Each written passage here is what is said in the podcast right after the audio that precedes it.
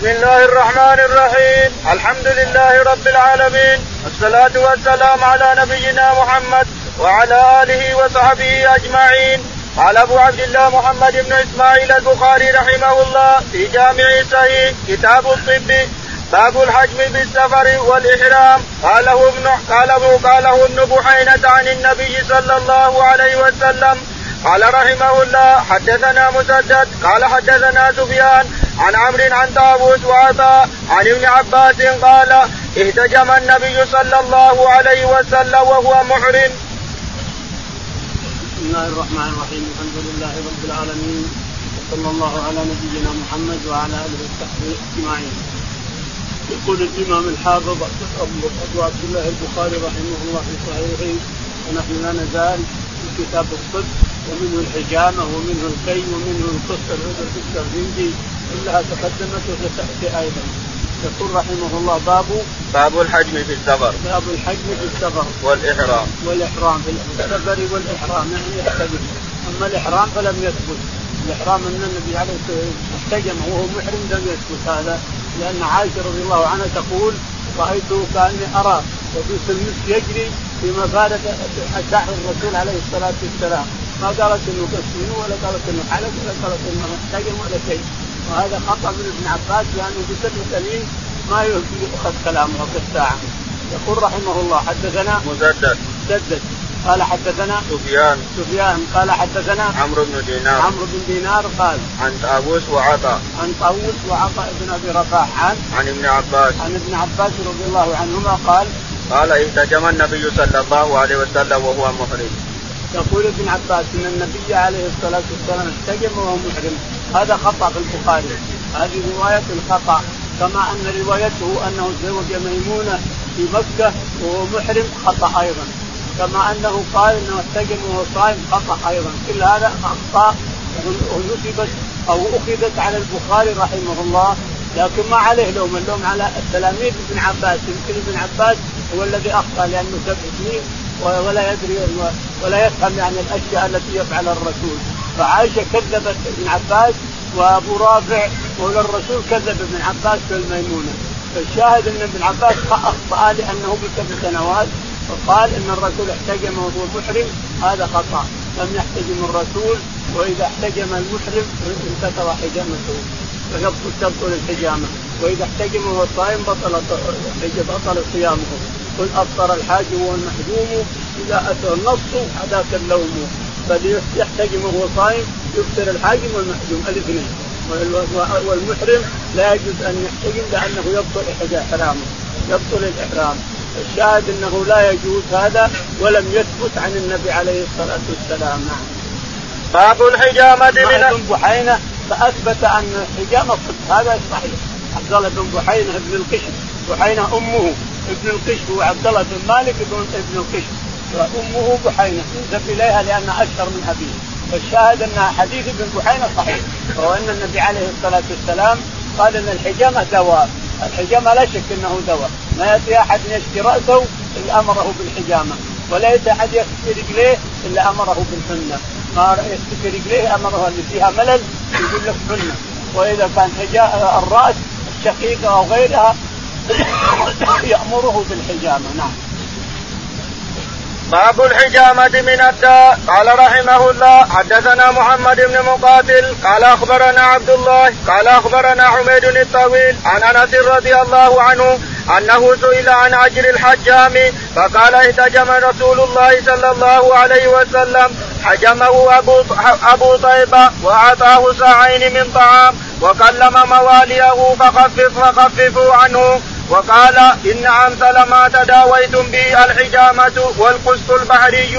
وقال لا تعذبوا صبيانكم بالغمز من العذرة وعليكم بالقسط. يقول البخاري رحمه الله. باب باب الحجامة من الداء. باب الحجامة من الداء. يعني أنها تزيل الدواء. الحجامة لا شك في هذا. أنها قسط لا شك. إذا معك شقيقة إنسان. من الرأس هنا توجد شقيقة يوجد في نصف رأسك نصف الوجه ونصف الرأس. يوجع الإنسان يؤلمك أو كل الرأس من الدوران كله يوجع الإنسان أجل يروح بإذن الله. لأنه أثبت أنه دم فاسد. عندنا دم فاسد شرياني وعندنا دم وريدي. فالوريدي هذا أسود. إذا تجمع هذا الإنسان في اي مكان يجتمع في هذا الإنسان والشرياني أحمر. هذا هو الذي ينفع الناس ينفع الإنسان وهو اللي يجري في العروق الشرياني احمر هو اللي ينفع المسلم ينفع الآدمي وينفع جريانه في العروق أما الوريدي فهو أسود. يتجمع في الرأس أحيانا يؤذي الرأس. ويتجمع مثلا في الظهر يؤذي الظهر. أو يتجمع في الرجلين ويؤذي الرجلين حتى تحجمها. الرجلين تتجمع تحت الكعب من هنا. تحت الكعب تحجمها الإنسان. والرأس تحكم من وراء الإذن. من وراء الأذن في الصدغين الإثنين هذول تحكمهم الانسان يعافيك الله. وتجنب وتجنب يوم الاربعاء لا تحتجم يوم الاربعاء لأنه مكروه خروج الدم يوم الاربعاء من الآدم إلى آخره. وإن كان ما ورد فيه حديث عن النبي عليه الصلاة والسلام لكن أصل يقول اربعاء ما يجوز خروج الدم من الآدم. حدثنا محمد بن مقاتل. حدثنا محمد بن مقاتل المروزي قال حدثنا ابن المبارك. ابن المبارك عبد الله بن المبارك المروزي أيضا قال حدثنا حميد الطويل. حميد الطويل قال حدثنا أنس بن مالك. عن أنس رضي الله تعالى عنه قال أنه سئل عن عن اجر الحجام فقال إذا جمع رسول الله صلى الله عليه وسلم حجمه أبو طيبه واعطاه ساعين من طعام. نعم. يقول أنس رضي الله تعالى عنه سئل عن الحجام هل يعطى أجرة الحجام؟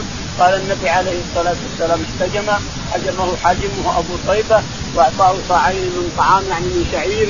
وكلم مواليه الذين هم مالكينه مملوك لإخوان الانصار وقال لهم خففوا عنه من ضريبتهم يعني هو يروح يحجم الناس يعطونه الناس دراهم ويعطي مواليه دراهم.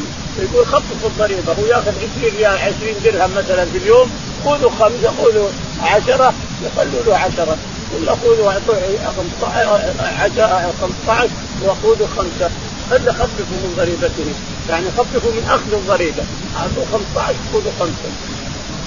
قال وقال إن أنزل ما تداويتم به الحجامة والقسط البحري وقال لا تعذبوا سريانكم بالخمس من العذرة وعليكم بالقسط. يقول النبي عليه الصلاة والسلام أمثل ما تداويتم به الحجامة. إذا مرض الإنسان برأسه أو برجليه يحتجم. في أي مكان يأتي بحجام يحتجم الحين نسيت الحجامة وصار الأطباء يستهزئون بالحجامة ولا يقولونها شيء يقول قرب قرب تخرج الدم من الإنسان في حاجة إليه. إلى الرسول أخرجه وأمر بإخراجه وهو أفهم منكم أفهم منكم وأحسن منكم. هجم وأمر الناس بالحجامة. ويقول يقول عليكم بالقسط لا تقتلوا أولادكم الصغار من الغم تمسكوا تبهمها ترفع يقول لا يغرغر مسكين ويتعذب عليك في العود القسط الهندي هل يوجد العود القسط الهندي عند العطارة اليوم؟ ما أدري. نعم. قال إنه مكتوب وقال انه قد يوجد الله أعلم. العطارة الذي الذي يدعون إلى العصافير ويعطون الادويه يدعون الأدوية يعطون كان في المدعى واحد يقول إنه عنده عنده في المدعى قبل شهر المدعى. يقال عنده يبيع العقارات كلها والأدوية كلها يقال إنه كان عنده من العود الله أعلم. قال رحمه الله حدثنا سعيد بن تليد قال حدثنا ابن وهب قال أخبرنا عمرو وغيره أن أبو خيرا حدثه أن عاصم بن عمر بن قتادة حدثه أن جابر بن عبد الله رضي الله عنهما دعا المقنع دعا المقنع ثم قال لا أبره حتى تحتجم فإني سمعت رسول الله صلى الله عليه وسلم يقول إن فيه شفاء. يقول البخاري رحمه الله حدثنا سعيد بن سليم. سعيد بن سليم قال حدثنا ابن وهب. ابن وهب عبد الله قال حدثنا عمرو بن الحارث. عمرو بن الحارث قال عن بكير بن الأشج. عن بكير بن الأشج قال عن عاصم بن عمر بن قتادة. عاصم بن عمر بن قتادة قال عن جابر بن عبد عن الله. جابر رضي الله تعالى عنه أنه دعا المقنع المقنع اجير عند جابر. المقنع أجير عند جابر يسقي الحدائق الحدائق يسقيها يفرق يفسر الماء عليها ويخرج الماء من البير بالبعارين وهو أجير عنده ولكنه مرض. لما مرض قال ما ما أبرح حتى احكم المقنع حتى يحكم المقنع ما أبرح من هذا المكان حتى يحتجم لأنه مرض وتعطلت مصالح جابر رضي الله عنه. فحجمه بالقوة حجم رأسه بالقوة تعافى باذن الله ورجع إلى عمله. نعم. باب الحجامة على الرأس. قال رحمه الله حدثنا إسماعيل قال حدثني سليمان عن علقمة أنه سمع عبد الرحمن الأعرج أنه سمع عبد الله بن بحينا يحدث عن رسول الله صلى الله عليه وسلم اهتجم بلحي جمل من طريق مكة وهو محرم في وسط رأسه. وقال الأنصاري أخبرنا هشام بن حسان قال حدثنا عكرمة عن ابن عباس رضي الله عنهما أن رسول الله صلى الله عليه وسلم اهتجم في رأسه. يقول البخاري رحمه الله حدثنا باب الحجامة على الرأس. باب الحجامة على الرأس. حدثنا إسماعيل بن أبي أويس. إسماعيل بن أبي أويس قال حدثنا مالك سليمان بن بلال. سليمان بن بلال قال حدثنا علقمة. علقمة بن قال عن عبد الرحمن الأعرج. عن عبد الرحمن الأعرج قال عن عن عبد الله بن بحينة. عن عبد الله بن بحينة فإن أن أمه بحينة ونسب إليها. واللي هو عبد الله بن مالك بن اسمه الصحابي رضي الله عنه.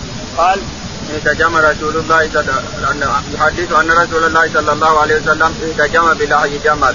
يقول إن النبي عليه الصلاة والسلام احتجم بلحي جمل، لحي جمل بير بين مكه بين رابغ والمدينة، بير بين رابغ لا تعديت رابغ الإنسان ما أدري هو موجود الآن ولا لا، لحي جمل يسمى بير وقرية صغيرة.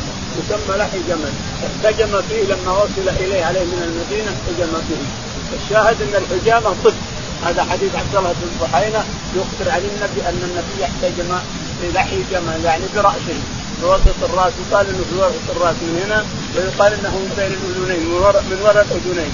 أكثر ما يحتجم عليه الصلاة والسلام خلف الأذنين من نصف غينها لأنه هو الرقيق. جمع الدم فيه ولحم رقيق. وقال في سند اخر معلق قال حدثنا الأنصاري قال أخبرنا هشام بن حسان قال حدثنا عكرمة عن ابن عباس رضي الله ان رسول الله صلى الله عليه وسلم انتجم براسه. يقول البخاري معلقا وقال عن أخبرنا هشام. أخبرنا هشام بن حسان. قال حدثنا عكرمة. عكرمة قال عن ابن عباس. عن ابن عباس قال انتجم في رأسه. انتجم النبي عليه الصلاة والسلام برحمه في رأسه بلحي جمل. لأنه انتجم. الحجامة هو أن الرجال عنده برد. قرن من من الباغة. قرن اسود من الباغة. قرن من هنا وقرن من هنا. ثم يفتح يجيب موس. موس من هذه يحلقها الرأس هذا الحلق. ثم يفلح اللي بين اللي ورا خلف الأذن. يفلحه فإذا طلع الدم ولع كبريت وصل القطه الكبريت علشان الضوء تجلب الدم. ثم الصقه ويلصق بإذن الله من من ريح النار. يلصق بالجلد ثم يمصه بكره. القلب صغير كذا يمص يمص يمص يمص فإذا امتلأ اذنه وكبه. ثم يمص يمص يمص فإذا امتلأ كبه إلى آخره. حتى ينشف. في ماضي ماضي دم مرة واحدة فحين يخرجه ثم يحط عليه مرهم أو دواء علشان يلصق الجرح مع تسلم باب الحجم من الشقيقة والصداع قال رحمه الله حدثني محمد بن بشار قال حدثنا ابن أبي عدي عن هشام عن كريم عن ابن عباس. احتجم النبي صلى الله عليه وسلم في رأسه وهو محرم من وجع كان به بماء يقال لها يقال لها حي حي جمل. وقال محمد بن سواء أخبرنا هشام عن كريم عن ابن عباس أن رسول الله صلى الله عليه وسلم احتجم وهو محرم في رأس من شقيقة كانت به. يقول البخاري رحمه الله حدثنا حدثنا محمد بن بشار. محمد بن بشار قال حدثنا ابن أبي عدي. ابن أبي عدي قال حدثنا هشام بن حسان. هشام بن حسان قال عن إكرم عن ابن عباس. عن إكرم عن ابن عباس ابن عباس يقول إن النبي عليه الصلاة والسلام استجم بلحي جمل وهو محرم احرم من ذي الحليفة ثم جاء محرما فلما وصل لحي جمل كانه أصابه صداع فسعى ابا طيبه فحجمه في راسه هكذا القصة كما ترون وكما ساق البخاري. لكن الرسول عليه الصلاة والسلام ثبت عائشة أن يكون أحرم وهو محرم. يقول كاني أنظر إلى وجه المسك في مغارة رأس الرسول عليه الصلاة والسلام وشعره إلى الكتف. كيف يحتجب شعره إلى الكتف؟ يقص الشعر وهو محرم. كل الشعر اللي ورا يقصه علشان يحرم. وشعره إلى الكتفين نازل عليه الصلاة والسلام. ما حلقه ولا مسه إلا بمنى. لما جاء من عرفة وجاء إلى منى ورمى الجمرات حلق دعا فصيبه فحلق رأسه. وقبل ما ما مس الرأس اطلاقا ما مس الراس اول احتجم اطلاقا. عليه الصلاة والسلام. نعم. قال رحمه الله حدثنا إسماعيل بن أبان قال حدثنا ابن الغسيل قال حدثني عاصم بن عمر عن جابر بن عبد الله قال سمعت النبي صلى الله عليه وسلم يقول إن كان في شيء من أدويتكم خير ففي ففي شربة عسل أو شربة محجم أو لذعة من أو لذعة من نار وما أحب أن اكتوي يقول البخاري رحمه الله حدثنا إسماعيل بن عبان. إسماعيل بن عبان قال عبد الرحمن بن الغسيل عبد الرحمن بن سليمان بن الغسيل وابن الغسيل هو حنظلة رضي الله عنه. الغسيل هو حنظلة.